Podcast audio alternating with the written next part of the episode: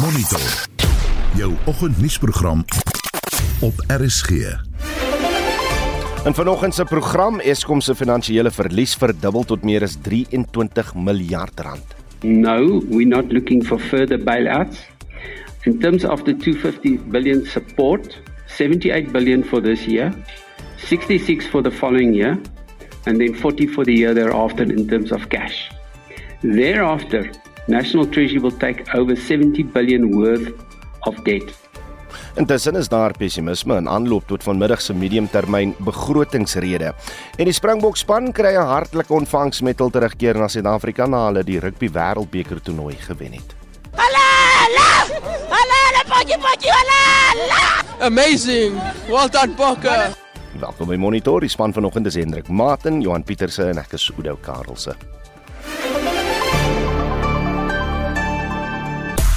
Die man se eendag cricket wêreldbeker rekord teen Nieu-Seeland is nie so gunstig vir die Proteas nie. Kaizer Chiefs word oor die vingers getik vir hul ondersteuners se wangedrag en die vroue wêreldnommer 1 en mans nommer 2 tennisspelers word in Cancun en Parys verras. Ek is Shaun Jooste vir RSG Sport. En waaroor gesels ons vanoggend wel? Moet Eskom sy logo en koöperatiewe identiteit verander? Eskom het 'n tender van meer as 'n miljoen rand uitgesit vir 'n nuwe logo en 'n openbare beeld. Ons wil weet wat gaan dit help? Sal dit die nutsmaatskappy in 'n beter lig gesien laat word? Laat ons weet wat jy dink. Stuur 'n SMS na die nommer 45889. Dit kos jou R1.50 per boodskap. Jy kan ook vir ons 'n stemnota stuur na 0765366961. Is 10 minute oor 6. 'n Politieke party in die parlement verwag somber nuus van die minister van Finansies Enoch Godongwana wanneer hy vanmiddag sy mediumtermyn begrotingsrede lewer.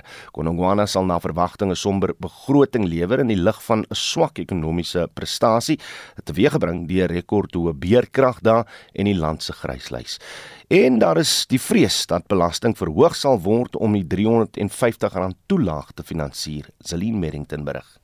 Die land se skuldlas is enorm en na verwagting sal verskeie besnoeiings gemaak moet word. DALP Ashor Sarupen sê die regering sal hard moet besin oor sy prioriteite.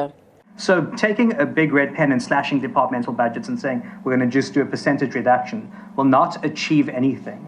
There is a lot that can be done. I mean, another example of this is in 2015 and the then MEC for Sports in Gauteng said that her department is the Department of Events but nothing else. If an entire government department has an MEC that describes this as a Department of Events, then it should be scrapped. ACDPLP Steve Swart verduidelik hoe sy party dink die land uit die skuld kan kom. The ACDP believes that the only long-term solution to the debt spiral is a rejuvenated economy which can provide jobs and which is premised upon stable energy provision and a vastly improved logistics network. The ACDP does not support tax increases given the financially hard pressed situation households and businesses find themselves in. In addition, reduced government expenditure can help balance the books, and we believe that various departments and ministries can be reduced and consolidated. Wouter Wessels van die Vryheidsfront Plus meen die regering moet eerlik wees oor die land se finansies. Die Vryheidsfront Plus verwag dat die minister van Finansies môre eerlik moet wees en nie verkiesingsbeloftes moet maak nie, maar dat hy werklike stappe moet aankondig wat die fiskale krisis kan aanspreek. Tans is ons in 'n situasie waar daar te veel uitgawes is met te min geld. Ons het ekonomiese groei nodig en dit kan slegs gestimuleer word deur korrekte besteding en deur strukturele hervorming. Maar die AICLP Steve Jafta meen daar is tog maniere om sukkelende staatsentiteite te help. That government has to draw from the contingency fund which stood at 12 billion rands in 2021-2022 financial year. This money should be used to bail out Transnet. It is only used in exceptional cases.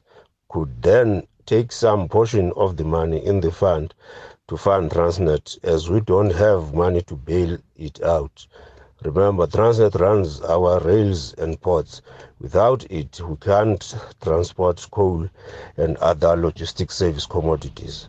Dit was AIC LP Steve Jafta, Zelin Merrington, Parlement.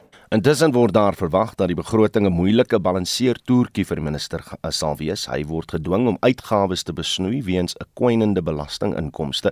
Daar is toenemend druk op die regering om openbare ondernemings vlot te hou deur groot somme geld aan hulle te betaal om maatskaplike toelaas vol te hou en om die stygende salarisrekening elke maand te betaal. Die regering sal waarskynlik uitgawes soos reiskoste besnoei, vakante poste vries en minder aan infrastruktuur bestee.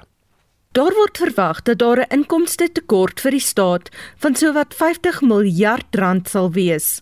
Dit is weens laer inkomstebelasting van maatskappye asook verminderde uitvoere. Ontleeders sê korporatiewe inkomste het minder geword omdat maatskappye toenemend meer bestee om selfkrag op te wek om beurtkrag te bestry, terwyl mislukkings by Transnet uitvoer logistieke benadeel het. Transnet het ten minste 100 miljard rand van die regering nodig om sy omkeerstrategie te voltooi. Die hoofekonoom by Pan African Investment and Research Services, Iraj Abdian, gee sy mening. Transnet has been a source of undermining growth and undermining fiscal revenue because when you can't export minerals, when the mines dig it out but they cannot take it to the harbor, harbor is not functioning to get containers being delivered. It's a disaster. It's been a process that over the past 10 years we have talked about, we've analyzed it, we've highlighted the impact in the medium to long term, but the government just ignores the the law of gravity and state enterprises have been absolute disaster. 'n Ekonom by Momentum, Sanisha Pakiri Sami, sê die voortsetting van die R350 maatskaplike toelaag en 'n salarisrekening van oor die 700 miljard rand is van die oorbesteding wat oor die begroting hang.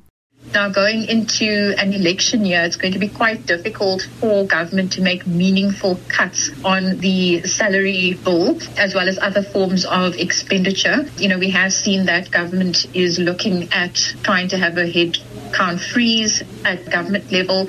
They're also looking into cutting back on the non essential infrastructure projects.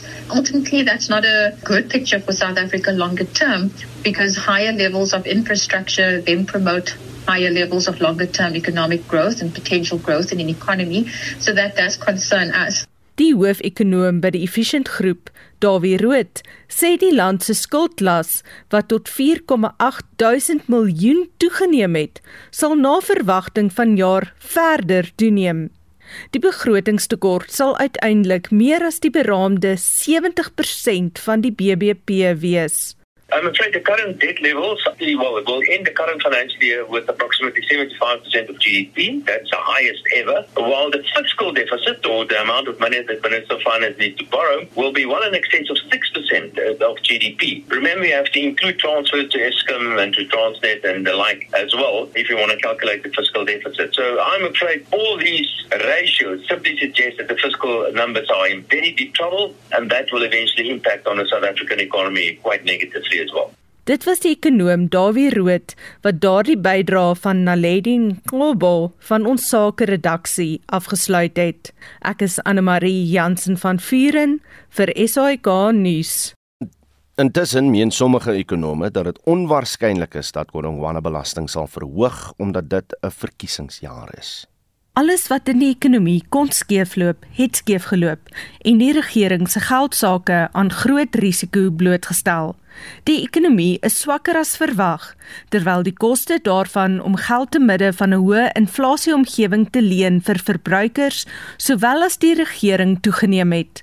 Uit elke rand wat die regering maak, moet 20 sent aan rente op skuld bestee word. 'n Senior ekonom by Nedbank, Isaac Machechu, beskryf hierdie skuldspiraal the minister is going to be in a tight bind because uh, he will have to strike a good balance between the very high expenditure needs and falling revenue collections. On the expenditure side, we know that the main constraint uh, will be the higher than budgeted for public sector wage bill. In the February budget, the budgeted amount was only an increase of 1.6%, and we saw an amount of 7.5%, which adds almost 38 billion to the wage bill alone. And are other expenditure increases, you know, the service bill is higher than expected. 'n Senior ekonom by PricewaterhouseCoopers,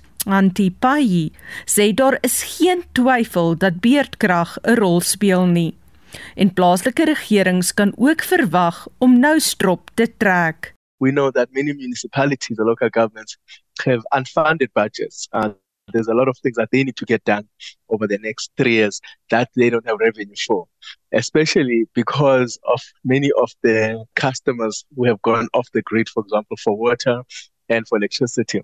And that actually a lot of them, their customers now are also unable to pay, uh, given the consumer pressures that are being faced. So you know, finding that municipalities are struggling and they're going to really depend on the state. And of course, we also know those contingent liabilities, for example, the, that, you know, the government has committed in supporting ESCOM. They've committed to supporting, to paying for some of those unpaid bills by ESCOM customers. There's also concerns around Transnet and we've heard recently that Transnet is going to ask for a bailout. Die minister van Finansies, Enoch Godongwana, praat al klaar van kostebesnoeiing. Maar ekonome soos Wits se Janie Rousseau waarsku dat die besnoeiing van 'n infrastruktuurbesteding 'n nadelige uitwerking op die ekonomie in die langtermyn sal hê. If people ask me what can be done for the government to save money, we have to start with the government, reduce the number of cabinet positions and ministries, and at the same time reduce the number of government departments. In my view, we should start with the Department of State owned enterprises. That has really not helped at all to get state owned enterprises in better shape, has not helped to turn them around. And really, I have to doubt the reason why that department exists at all. Die begrotingstekort sal na verwagting hoër wees as wat in Februarie geraam is. In die Februarie begroting het die nasionale tesourie gesê hulle verwag dat die begrotingstekort vir hierdie boekjaar 4% van die BBP sal wees.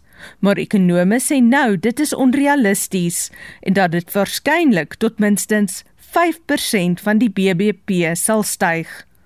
Die verslag van Gloria Safaku Musi en ek is Anne Marie Jansen van Vuren vir SAK nuus. Kom ons bly by die begroting en praat nou met 'n dosent in praktyk aan die Universiteit van Johannesburg, professor Theo Venter. Theo, welkom terug. Goeiemôre. Waar kan belasting nog verhoog word, Theo? Wel eintlik nêrens nie, want ons ehm um, belasting word hoofsaaklik uit 3 bronne ehm um, befonds, naamlik persoonlike belasting, BTW en dan natuurlik ehm um, uh uh aksiesbelasting wat die wat die groot komponente is. En al hierdie belastings is op 'n redelike hoë vlak relatief tot enige ander plek as jy dit mee wil vergelyk. En die regering het begin met 'n veldtog om om radikale besparings in te in te stel. Ehm um, daar daar briewe verskyn 'n uh, 'n uh, ruk gelede en hierdie ehm um, veldtog dink ek gaan eh, kulmineer vandag in aankondigings dat daar groot grootskaals besnoei gaan word maar die besnoeiings is 'n is 'n is 'n baie interessante prentjie ons het gehoor by die ekonome van 'n van 'n balanseertoertjie dit lyk asof die regering as ek dit baie eenvoudig kan maak ehm um, besnoeiings wil bewerkstellig sodat die sosiale koste ehm um, uh, gehandhaaf kan word en dit doen hulle ten koste van iets anders. Ook maak dit eenvoudig. Hmm. Die president het maandag aand toe hy nou die rugby ehm um, wêreldbeker gebruik het om Suid-Afrikaners 'n bietjie voor te berei op die slegte nuus vir vandag. uiteindelik 'n soort van 'n 'n mini begrotingsrede gelewer. Het hy ehm um, vir ons gesê 18 sent uit elke rand word spandeer om skuld te betaal. En ons het nou die getalle en die nommers gehoor. 5% van BBP en hoe groot die skuld ook al is en en groeiend. Dan word omtrent 60 sent in die rand word gebruik om om sosiale verpligtinge na te kom. En dit gaan veral in 3 ehm um, ehm um, begrotingsposte in. Dit gaan in SASSA betalings, die 350 rand 'n maand toelaag onder andere, dit gaan in onderwys in en dit gaan in gesondheidsorg in. Wat oorbly is omtrent 22 sent in die rand om die hele res van die van die regering te finansier en dit wys vir jou hoe moeilik ehm um, hierdie begrotings ehm um, toertjie is. Die nadeel van vandag is vandag se begrotingsrede is eintlik 'n 3 jaar rollende begroting. Met ander woorde die minister gaan nie direk ehm um, die begroting aanspreek soos wat hy gewoonlik in Februarie mm, doen. Mm. Hy gaan eintlik hy gaan eintlik 'n plan oor die volgende 3 jaar aandui en dit is dis baie moeiliker om uit vandag uit 'n direkte impak my en jou raak te sien. Maar wat hy in gedagte het is beslis 'n uh, verkiesing wat in my maand volgende jaar plaasvind. Reg, so met ander woorde in jou mening, hy gaan sonder twyfel 'n verkiesingsbegroting wees of 'n sogenaamde verkiesingsbegroting wees. Uh, uh, in die, die vorige mediumtermyn begroting, hoeveel is daar gesê oor hoeveel geleen gaan word en en sal ons nou weer geld moet gaan leen? Onteenseglik, onteenseglik en wat belangrik is, um, nou dat jy praat oor geld leen, die regering koop op 'n daaglikse basis skuld of hy verkoop skuld. En ehm um, daar is 'n al hoe groot wel daar is 'n mindere belangstelling in die regering se skuld. En is eenvoudig dat ouens wat nou ehm um, regeringsskuld koop begin twyfel of die regering oor die lang termyn sy skuldverpligtinge gaan nakom. En die regering se grootste enkele opdrag vandag is om aan hierdie groot kopers van regeringsskuld 'n uh, 'n soort van 'n vertroue te gee om te sê julle hoef nie bekommerd te wees nie. Die regering sal sy verpligtinge nakom.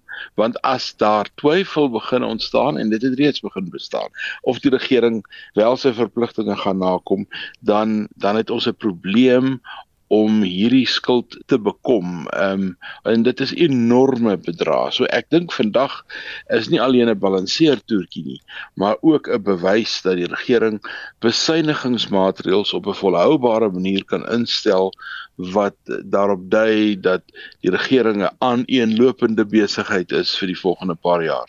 Die Venter is 'n dosent in praktyk aan die Universiteit van Johannesburg. Baie dankie vir jou tyd. Wêreldnuus Talle mense is in Gaza dood en ernstig beseer in lugaanvalle deur Israel op die Jabalia gebied noord van Gaza. Die Israeliese weermag sê die teiken was 'n senior Hamas bevelvoerder en Estie de Klerk het vir ons meer besonderhede. 'n Woordvoerder van die Israeliese weermag, luitenant-kolonel Jonathan Conricus, sê die teiken vir die aanval was Ibrahim Biari. Conricus beskryf Biari as 'n sleutelfiguur in die beplanning van Hamas se aanval op Israel op 7 Oktober. Die woordvoerder sê talle Hamas soldate is dood toe 'n grootskaalse ondergrondse tonnelnetwerk meegegee het weens die aanval wat met bomme uitgevoer is. En dit was die doel, sê Konrikus, die vernietiging van die ondergrondse tonnelnetwerk, maar talle geboue het ook weens die impak ineengestort en talle mense is steeds onder die puin begrawe. Baie van Hamas se ondergrondse tonnels lê onder digbevolkte woongebiede en tussen 40 en 50 huise is in die aanval verwoes. Maar die lugaanvalle het 'n vlugtelingekamp getref waar volgens die Verenigde Nasies 1600 vlugtelinge geregistreer was. Die BBC se Jeremy Jeremy Bowen doen verslag vanaf die Jabalia gebied. Israel ordered civilians to leave this area. Many did. Many others did not. The UN said some people even returned to their homes because conditions further south were so desperate. An unknown number of people are buried under the rubble. They were pulling out children. He says, Oh God, my three children are gone, three kids. I hope I can find one of them alive. I didn't bid them farewell. Vlugtelinge sê dit is 'n bloedbad. Lyke lê oral en almal is na stigtelik op soek na hulle geliefdes. Die plaaslike hospitaal het nie meer beskikbare plek nie. Die hoofchirurg daar sê tussen 10 en 20 amputasies is reeds gedoen en ambulanse daag by die hospitaal op met beseerdes en mense wat reeds dood is. We still about 400 injured patients between very seriously injured patients and mortals. Yes, if you see that the majority of them are children and women. Dit was die hoofchirurg by die plaaslike hospitaal in Jabalia. Hamas en Israel het ook fotos aan die media vrygestel. Op Hamas se fotos word gesien hoe soldate vanuit die ondergrondse tonnelnetwerk na veiligheid probeer kom, maar die BBC se Jeremy Bowen sê dit is moeilik om presies uit te pleis wat in die oorlog aan die gebeur is tussen Israel en Hamas. Israel het ook fotos vrygestel en die weermag sê hulle is naby Gaza se hoofstad, maar het dit nog nie betree nie. Aan Israel se kant van die Gaza grens het hulle genoeg reserves en soldate. Hier is Bowen. We don't have much detail about what the Israelis are doing inside Gaza. They are working very hard to control the information battlefield, which is a big part of modern war. They are releasing some video and some generalized communiques about success, but they are minimizing access En dit was die BBC se Jeremy Bowen. Intussen is daar sprake uh, dat die Rafah grenspos moontlik vandag oopgestel kan word om ernstig beseerde mense deur te laat. En nou hier praat ons spesifiek van ernstig beseerde inwoners van Gaza wat na Egipte deurgelaat sal word vir mediese behandeling. Alle kommunikasiedienste in Gaza, telefoonnetwerke en die internet is ook weer van die buitewêreld afgesny. Die Verenigde Nasies se Veiligheidsraad het weer vergader, die keer om 'n vyfde resolusie vir 'n humanitêre stilstand te is te oor die konflik ter tafel te lê. En daardie re resolusie word steeds oorweeg, maar die VN se algemene vergadering het Vrydag 'n nie bindende resolusie aanvaar waarin 'n onmiddellike skietstilstand gevra word en die Veiligheidsraad met wetlik bindende gesag het na vier pogings nog nie konsensus bereik nie. 'n Chinese en Russiese veto het een resolusie gestuit, 'n veto vanaf die FSA, 'n ander en die die ander twee resolusies het nie genoeg stemme gekry nie. Verskeie VN-agentskappe sê die humanitêre krisis is buite beheer. Hier is 'n kommissaris-generaal van die VN-agentskap vir Palestynse vlugtelinge, Felipe Lazzarini, die uitvoerende direkteur van UNICEF, Catherine Russell, en die direkteur van die kantoor vir die koördinering van menseregte, Lisa Dukten. I have said many times and I will say it again, no place is safe in Gaza. I implore the Security Council to immediately adopt a resolution that reminds parties of their obligations under international law, that calls for a ceasefire, that demands the parties allow safe and unimpeded humanitarian access. The scale of the horror people are experiencing in Gaza is really hard to convey. People are becoming increasingly desperate as they search for food, water, and shelter amid the relentless bombing campaign that's wiping out whole families and entire neighborhoods. Nou leiers sê dit is 'n humanitêre katastrofe en dit terwyl 'n verdeelde veiligheidsraad nie konsensus kan bereik nie, besluite wat deur 'n emosionele Palestynse ambassadeur vir die VN, Riyad Mansour, veroordeel is. The General Assembly acted. The Secretary General acted. The army of hum of his humanitarian agencies and the heroes leading them and those who are working in implementing that message acted. And there is one important body still not acting. It is you. Do what the bigger body is doing.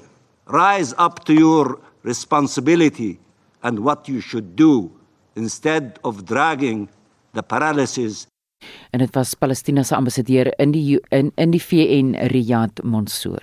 En dit was estie met 'n oorsig oor uh, die konflik tussen Israel en Hamas. Die Suid-Afrikaanse kabinet eis dat die internasionale straf om volksmoorde ondersoek in die oorlog tussen Israel en Hamas. Die uh, minister in die presidentskap Kombutso Chaveni het die media toegespreek na gister se kabinetsvergadering. Cabinet calls on the International Criminal Court to investigate the bombing and the crime of genocide in this conflict. Intussen het 'n voormalige eerste hoofaanklaer van die internasionale strafhof, Louis Morenga Ocampo, uh, ook uh, in 'n onderhoud met die BBC gesê dat die huidige vervolger 'n goeie punt gemaak het oor die konflik. Hamas people could be prosecuted, but Israeli ministers, prime minister, generals could also be prosecuted. That's the message Mr. Karim Khan is sending them. For me, the good point the prosecutor is making is people are discussing to pick sides, Israeli side, Palestinian side. The prosecutor is helping all of us to pick the side of the victims, Israeli victims, Gaza victims, Palestinian victims. That is the enormous contribution. We are picking the side of the victims and we have to stop the crimes now. It's not enough to punish the crime. We need to stop the crime. So UK, US have to be much more firm to stop the crimes now. The blockade of the elements to survive to Gaza people is a crime itself. It's a crime against humanity and could be a genocide. En dit dan die eerste hoofaanklaer van die internasionale strafhof Louis Moreno Ocampo. Ons praat nou met 'n professor in internasionale reg by die Universiteit van Johannesburg, professor Henny Strydom oor die saak. Henny, goeiemôre. Goeiemôre Oudo en aan die luisteraars. Hoeveel lande het reeds dieselfde beroep gemaak soos Suid-Afrika nou gemaak het oor hierdie konflik? Ag talle en uh, ek meen die algemene siening nou is dat uh in eerste plek daar moet uh, waar skietstilstand kom om hierdie katastrofe tot 'n einde te bring en die tweede uh, sterk boodskap wat uitgaan is natuurlik die eise vir vervolgings mm. wat ingestel moet word aan beide kante. En in laastgenoemde verband is daar 'n baie duidelike uh, uh, verklaring wat uitgereik is deur die huidige hoofaanklaer uh, tydens sy besoek aan die Rafah grenspos. Waar hy baie duidelik gemaak het uh, dat sy span ondersoekers is reeds besig om inligting in te samel. Trouwens, die toestande en die en die uh, handelinge wat plaasvind en die vergrype wat plaasvind in Palestina van watter kant of al as ook Hamas se aanval op Israel uh is reeds aan die uh, die onderwerp van ondersoek. En hy het self so ver gegaan om op die webblad uh, van die hof 'n fasiliteit te skep waar persone inligting kan uh, kan plaas. Hmm. Die probleem wat hy uitgewys het in hierdie verband is is die die die onmoontlikheid om op hierdie stadium in Gaza of in Israel in te gaan. En dit natuurlik uh, is 'n beperking op, op wat ondersoek kan word uh, en die aard van die ondersoek wat gedoen kan word. Nou en nie Israel is nie deel van die strafhof nie. So so watter tugstappe kan aan teen hulle gebring word of teen Hamas gebring word vir vir uh, enige oortredings na hierdie ondersoeke? Ja, Palestina is uh, het toegetree deur die hof en daar is reeds 'n beslissing van die hof gemaak dat die hof jurisdiksie het uh, oor Palestina insluitende Gaza en die Wesbank. So enige oortredings wat plaasvind aan die, deur Israel in Gaza en in Palestina val onder die jurisdiksie van die hof en wat sal deel uitmaak of kan deel uitmaak van die ondersoeke. Die FSA, die Verenigde Koninkryk en ander bondgenote van Israel sê hulle mag hulle self verdedig na die Hamas-aanval van 7 Oktober. Israel se verweer op die dood van burgerlikes is dat hulle gebruik word as menslike skilde en en in die geval van die aanval op hospitale word daar beweer dat Hamas in tonnels onder die geboue wegsteek of selfs die hospitale gebruik as 'n basis. In sulke gevalle, wat sê internasionale konvensies oor aanvalle en wat geregverdig word of nie? Ja, die aanval moet natuurlik altyd proporsioneel wees tot die militêre oogmerk. As dit disproporsioneel word, is is dit 'n oortreding van die Geneefse konvensies. Die kwessie rondom burgerlike teikens uh word problematies uh na gelang dit gebruik word uh vir uh vir gewapende aanvalle soos in hierdie geval as dit so is dat hospitale of ander burgerlike geboue gebruik word deur Hamas dan verloor daardie gebou sy beskerming in terme van die Geneefse konvensies en kan dit 'n militêre teiken word. Dan die gebruik van van burgerlikes as 'n as 'n soort van 'n shield soos in Engels sê is insgelykse oortreding van die Geneefse konvensies. En hierdie hierdie aangeleenthede is reeds genoem uh, deur die deur die hoofaanklaer en dit is in aard die gevalle wat ter sprake sal kom om te besluit of daar genoeg getuienis is vir vervolging.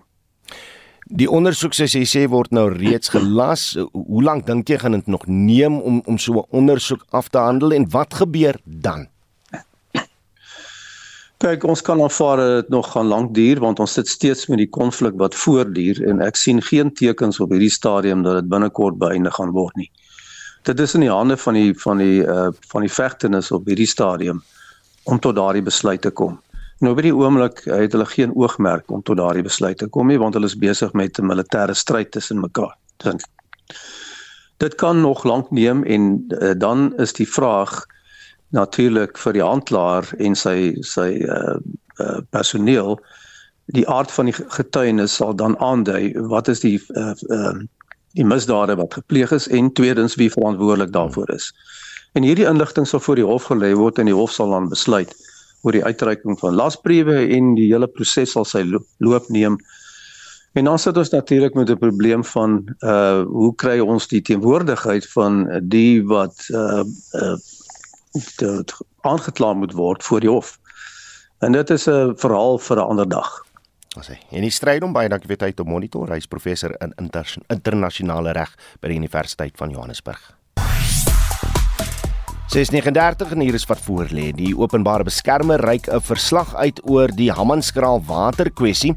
Eskom reik 'n tender uit vir 'n nuwe logo en koöperatiewe identiteit en Tshwane beweeg 'n stap nader aan 'n onafhanklike kragopwekking bevoegdheid. Bly ingeskakel.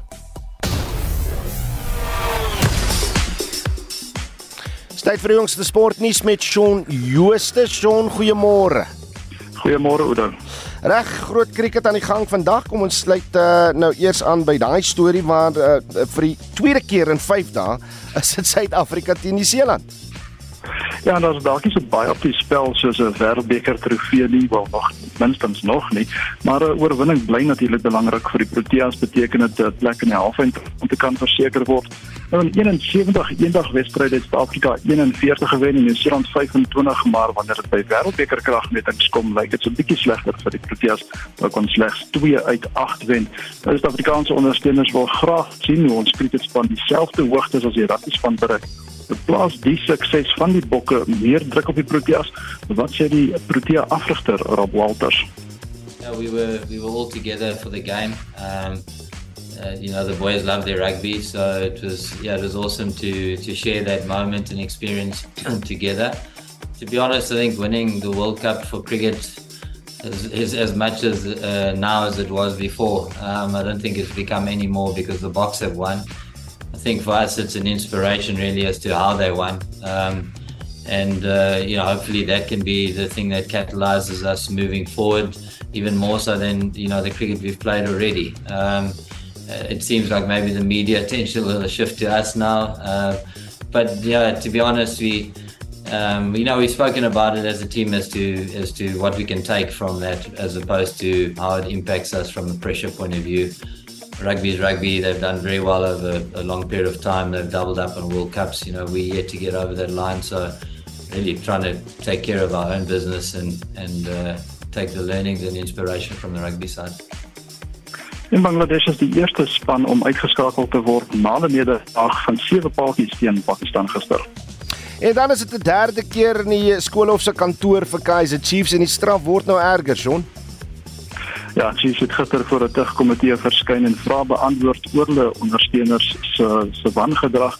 Dit is hulle derde oortreding sedert Augustus en daar is geen teken van verbetering by die Soweto klub nie. Nou Chiefs se volgende tuiswedstryd is op 8 November teen Cape Town Spurs vandag ter geslote deure plaas. Hulle moet ook 'n boete van R50 000 onmiddellik eh, betaal en dan is daar uh, nog 'n boete opgelê van R300 000 opgeskort vir 6 maande. Dan is daar verrassings vir Sabalenka en Alcaraz op die tennisbaan terwyl ons eh, Dewald van Niekerk die top 4 haal op die muurbalbaan. Ja, die nommer 5 Jessica Begula van die FSA die nom die wêreldnommer 1 Arina Sabalenka van Belarus met 6-4 en 6-3 verras. Die nommer 4 Elena Rybakina van Kazakhstan het die Griek en nommer 9 Maria Sakkari vanoggend met 6 stroop 6-7 en 7-6 geklop. By die Paryse Meesters is die mans wêreldnommer 2 Carlos Alcaraz van Spanje se se terugkeer van besering kort geknip met 'n 6-3 en 6-4 nederlaag in die tweede ronde teen Roman Savialan van Rusland. En dan laastens, soos jy sê, die Suid-Afrikaner Dewald van Niekerk het na die halfeindronde in die SA Ope Muurbal-toernooi in Johannesburg deurgedring nadat Egipte se Khaled Labib met 11-3, 13-11, 6-11 en 11-5 uitgeskakel het. Alexandra Fuller het haar kwart eindstryd in Egipte se Naur Heikel ongelukkig met 3-1 verloor. Shaun Jooste daar van RSG Sport. Die Tshwane Metro glo energie onafhanklikheid is die oplossing om die stad uit sy finansiële verknorsing te red. Die burgemeester sê die beoogde herstel van die Rooiwal en Pretoria Weskragstasie sal finansiële stabiliteit bring. Die stad wil die twee kragstasies aan onafhanklike kragprodusente vir die volgende 40 jaar verhuur. Daar word gehoop dat die stasies 1000 megawatt binne 3 jaar kan verskaf. Die stad hoop dit sal beleggers lok en bestaande nywerhede in die stad hou. Die stad het 'n tafelrond gesprek met kenners en belast, uh, belanghebbendes liewer gehou. Ons praat nou met die burgemeester Celie Brink. Celie, goeiemôre. Hallo Oudo. Kom ons kyk net vinnig na die finansies van die projek. Ons verstaan die kragstasies kos julle 300 miljoen rand 'n jaar soos hulle nou daar staan. Hoe sal dit help om die stasies uit te verhuur? So dit sal beteken dat die stad nie meer daai onderhoudsuitgawes noodwendig hoef aan te gaan nie en die hulpbronne wat ons tans daar aanwend, insluitend die menslike hulpbronne kan elders gebruik word. Ehm um, die kundigheid en elektrisiteit is altyd nodig op verskillende plekke, maar ongelukkig omdat Rooiwal spesifiek uh, onder onderhoud is, so met ander woorde, daar word geld spandeer om seker te maak dat hy nie heeltemal verval nie, uh, is dit 'n bietjie van 'n dooie bate op hierdie stadium. Maar dis nie die besparing van operasionele uh, onkoste wat die grootste bate vir die stad sal wees nie. Hmm dit is 'n mate van bestendigheid van kragtoevoer ehm um, heel moontlik. Ons is nou in die beginstadium en dis hoekom ons die inligting inwin. Maar elke stad in hierdie land moet 'n uh, poging aanwend om 'n mate van onafhanklikheid van Eskom te kry. En omdat ons hierdie bates het, is dit 'n belangrike deel van ons antwoord uh, op uh, energie onafhanklikheid en die einde van Eskom se monopolie. Tydens hierdie tafelronde gesprek uh, het jy die gevoel gekry dat daar genoeg onafhanklike kragprodusente is met die vaardighede om om hierdie werk oor te neem, om die kragstasies oor te neem. Ja, daar was enorme belangstelling. Die grootste kommer was uh of daar kapitaal in die mark beskikbaar is vir uh, opgraderingswerk aan 'n steenkoolkragstasie. Mm. Dit is 'n belangrike vraag want meeste van die wêreld gaan natuurlik groen en skoon en hernubaar. Maar uh, steenkool sal noodwendig deel van ons sogenaamde energy mix as 'n land bly. En die opgraderings wat by Rooiwal spesifiek benodig word, is nie van so aard dat uh, jy weet dit dit biljoene rande sal wees nie. Dit is moontlik tussen 200 en 500 miljoen rand. So daar die die gevolgtrekking waartoe ons gekom het en die kundiges wat daar was, was dat daar wel uh, nog kapitaal beskikbaar is vir uh, sulke projekte hmm. en dat ons moet gebruik wat ons het. So die stad is verbind tot skoon energie. Ons is 'n lid van C40. Ons wil klimaatsverandering uh, bestry, maar ons is ook in 'n situasie van noodsaak waar as ons nie maatreëls tref om uh, ons ons energieverskaffing te verseker nie, dan gaan ons ons mededingendheid verloor teen stede soos Kaapstad wat hmm. reeds uh gevorderde planne het om onafhanklik te word van Eskom. Maar maar Tshwane as stad bly verbind tot geensins deel te vorm van die kapitaal uh, besteding wat wat vir hierdie pro projek nodig is nie. Dit moet van van die onafhanklike kragprodusente kom. Is ek reg? Oudo, as ons dit gehad het, sou ons uh, dit bestee het, maar ons het nie en dit is die werklikheid van meeste van die metrorade buite Kaapstad. Ons moet nuwe middele vind, vennootskappe vind om bates te ontsluit en waarde te ontsluit. So die bate wat die stad sal bring tot die verhouding met moontlike uh, onafhanklike kragopwekkers is die uh die grond ehm um, die infrastruktuur wat daar is en dan natuurlik die inlet. Ek het nou nog nie die Afrikaans vir inlet gekry nie, maar die inlet in ons grid in. Ja. En dit op sigself is 'n bate natuurlik die verhouding wat ons het as as 'n uh, kragverspreider. Dis ook 'n bate, maar die kapitaal en en en die operasionele kennis uh, uh moet van die privaat sektor kom. Uh, en dit is nie net waar van Swane nie, dit is waar van die energie sektor oor die algemeen. Kom, kom ek stel dit so as as hierdie projek van stapel gestuur kan word as 'n kapitalis, ehm um, sê ek self in die in die inleiding hier dat dit ten minste 3 jaar gaan neem om om uh, van krag tot kom uh, te kom. Uh, is dit die gewenste wyse om te werk of of wag ons maar vir die belofte wat die regering maak om te sê 2024 sal ons hok geslaan het op beerdkrag? Nee, dit gaan nie 3 jaar vat om kilowatts in die in die uh, grid in te sit nie. Ehm um, hierdie projek vir al Rooiwal kragstasie kan in die bestek van sê 7 tot 8 maande as dit reg hanteer word. Maar daar's baie regulatoriese stappe, baie van dit is buite die beheer van die munisipaliteit. En dis hoekom ons van meet af uh die industrie spelers vra vir hulle insette. So byvoorbeeld was daar gister 'n verteenwoordiger van die minister van energie wat sy volle ondersteuning gegee het vir die vir die manier wat ons uh, hierdie ding beplan. Nersa was daar. Daar was uh, verskeie kenners op die gebied van van energie en ons wil daai mense se insette hê sodat ons nie foute maak en op die op die nippertjie of op die 11de uur besef uh, dat regulatories dit nie kan werk nie. So ons wil dit reg hê van meet af en ons glo as ons dit doen, kan ons soos ek sê binne die volgende 7 tot 8 maande ten minste krag uit Rooiwal kry, maar Oudo ek moet ook benadruk, dit is nie net hierdie ou kragstasies wat deel is van ons energieplan nie. Mm. Uh, ons wil ook krag aankoop van onafhanklike produsente wat hulle eie bates gebruik, sonkrag uh, en dis meer. Ons kyk na die hervorming van ons wheeling uh, beleid en tariewe.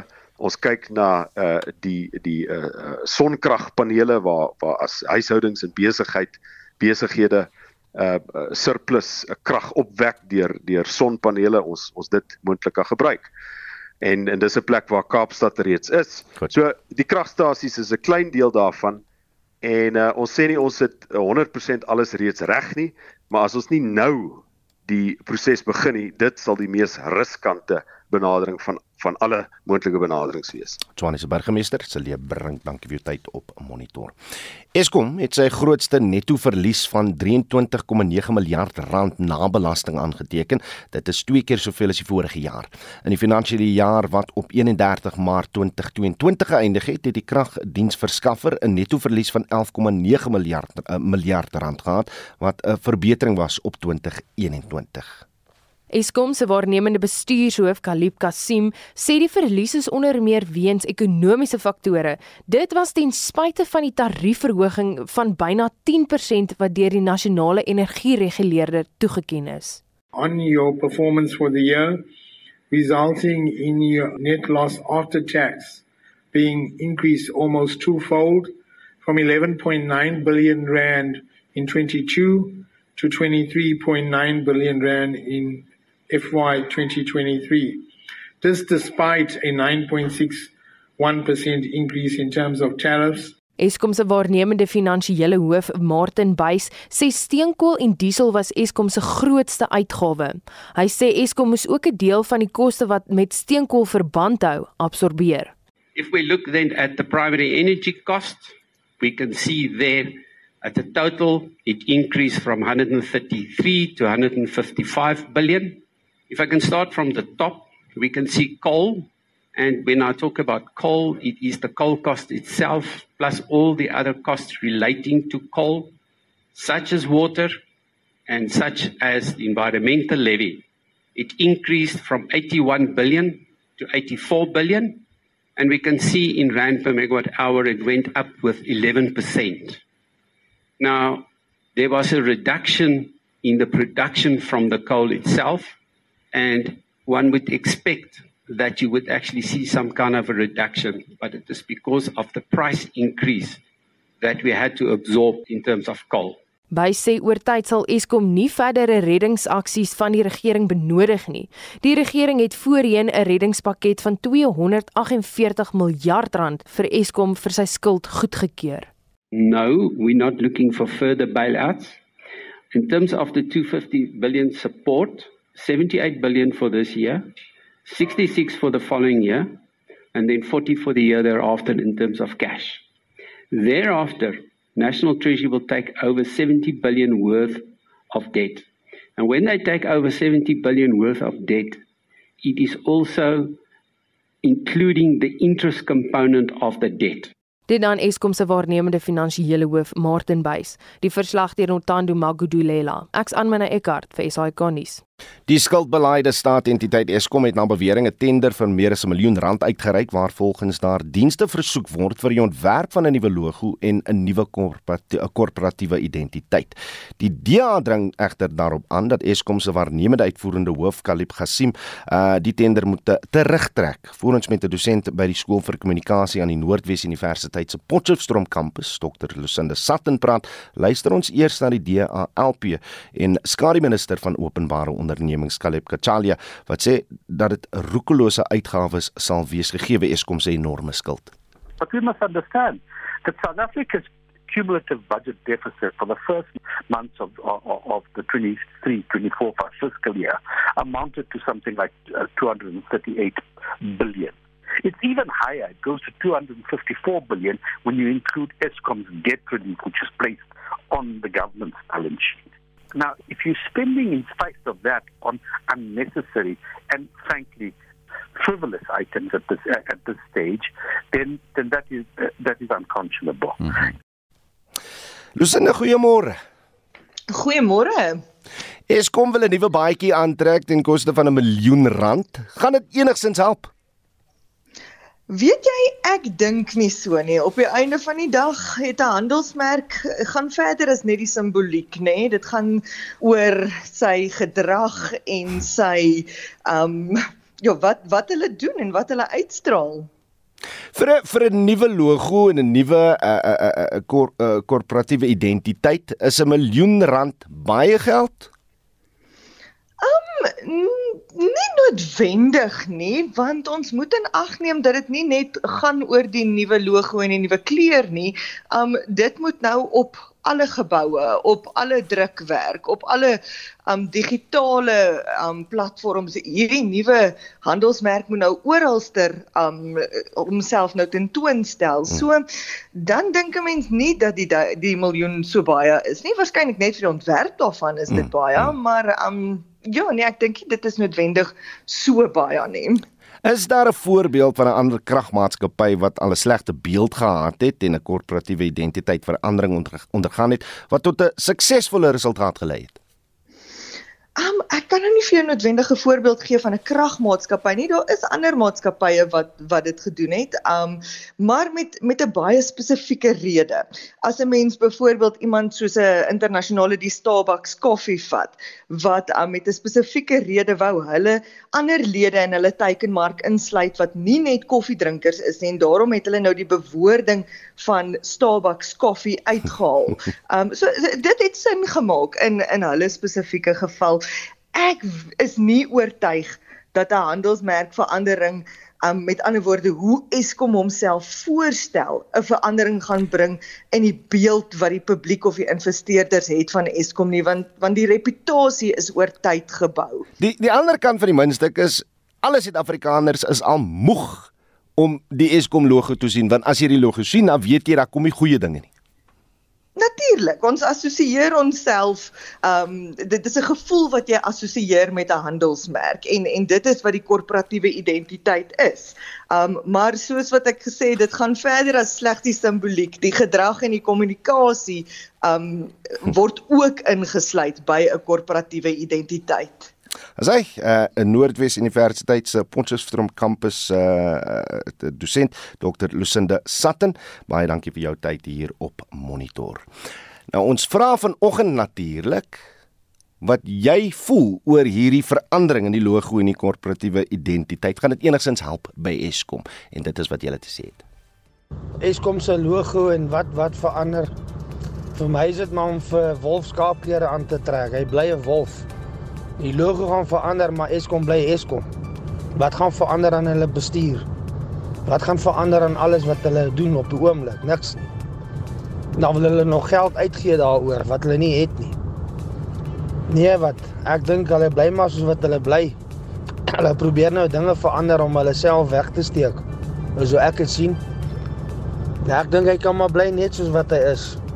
Wolf bly wolf, maak nie saak of hy hom skaapklere aantrek of 'n bok klere aantrek nie. Hy bly 'n wolf. Maar net my mening.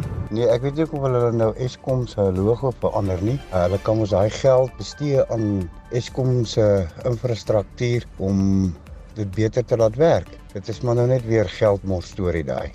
En dan sluit ons af met Johan in Durban wat vir ons 'n SMS gestuur het om te sê dit sal niks help nie belastingbetalers gaan aanhou om te befonds. Verander bloot net Eskom se naam na Exdom met 'n Kerslogo. Wat sê jy? Stuur vir ons 'n SMS na 45889. Dit kos jou R1.50 per boodskap. Jy kan ook eh, soos hierdie mense nou gedoen het 'n stemnota op WhatsApp stuur na die nommer 076 536 6961. Ons groet namens ons uitvoerende regisseur Nicoline de Wee, ons redakteur vanoggend is Hendrik Maat en ons produksieregisseur is Johan Pieterse en ek is Oudo Karel. So môreoggend weer terug tussen 6 en 7 op Monitor op en wakker is volgende. Totsiens.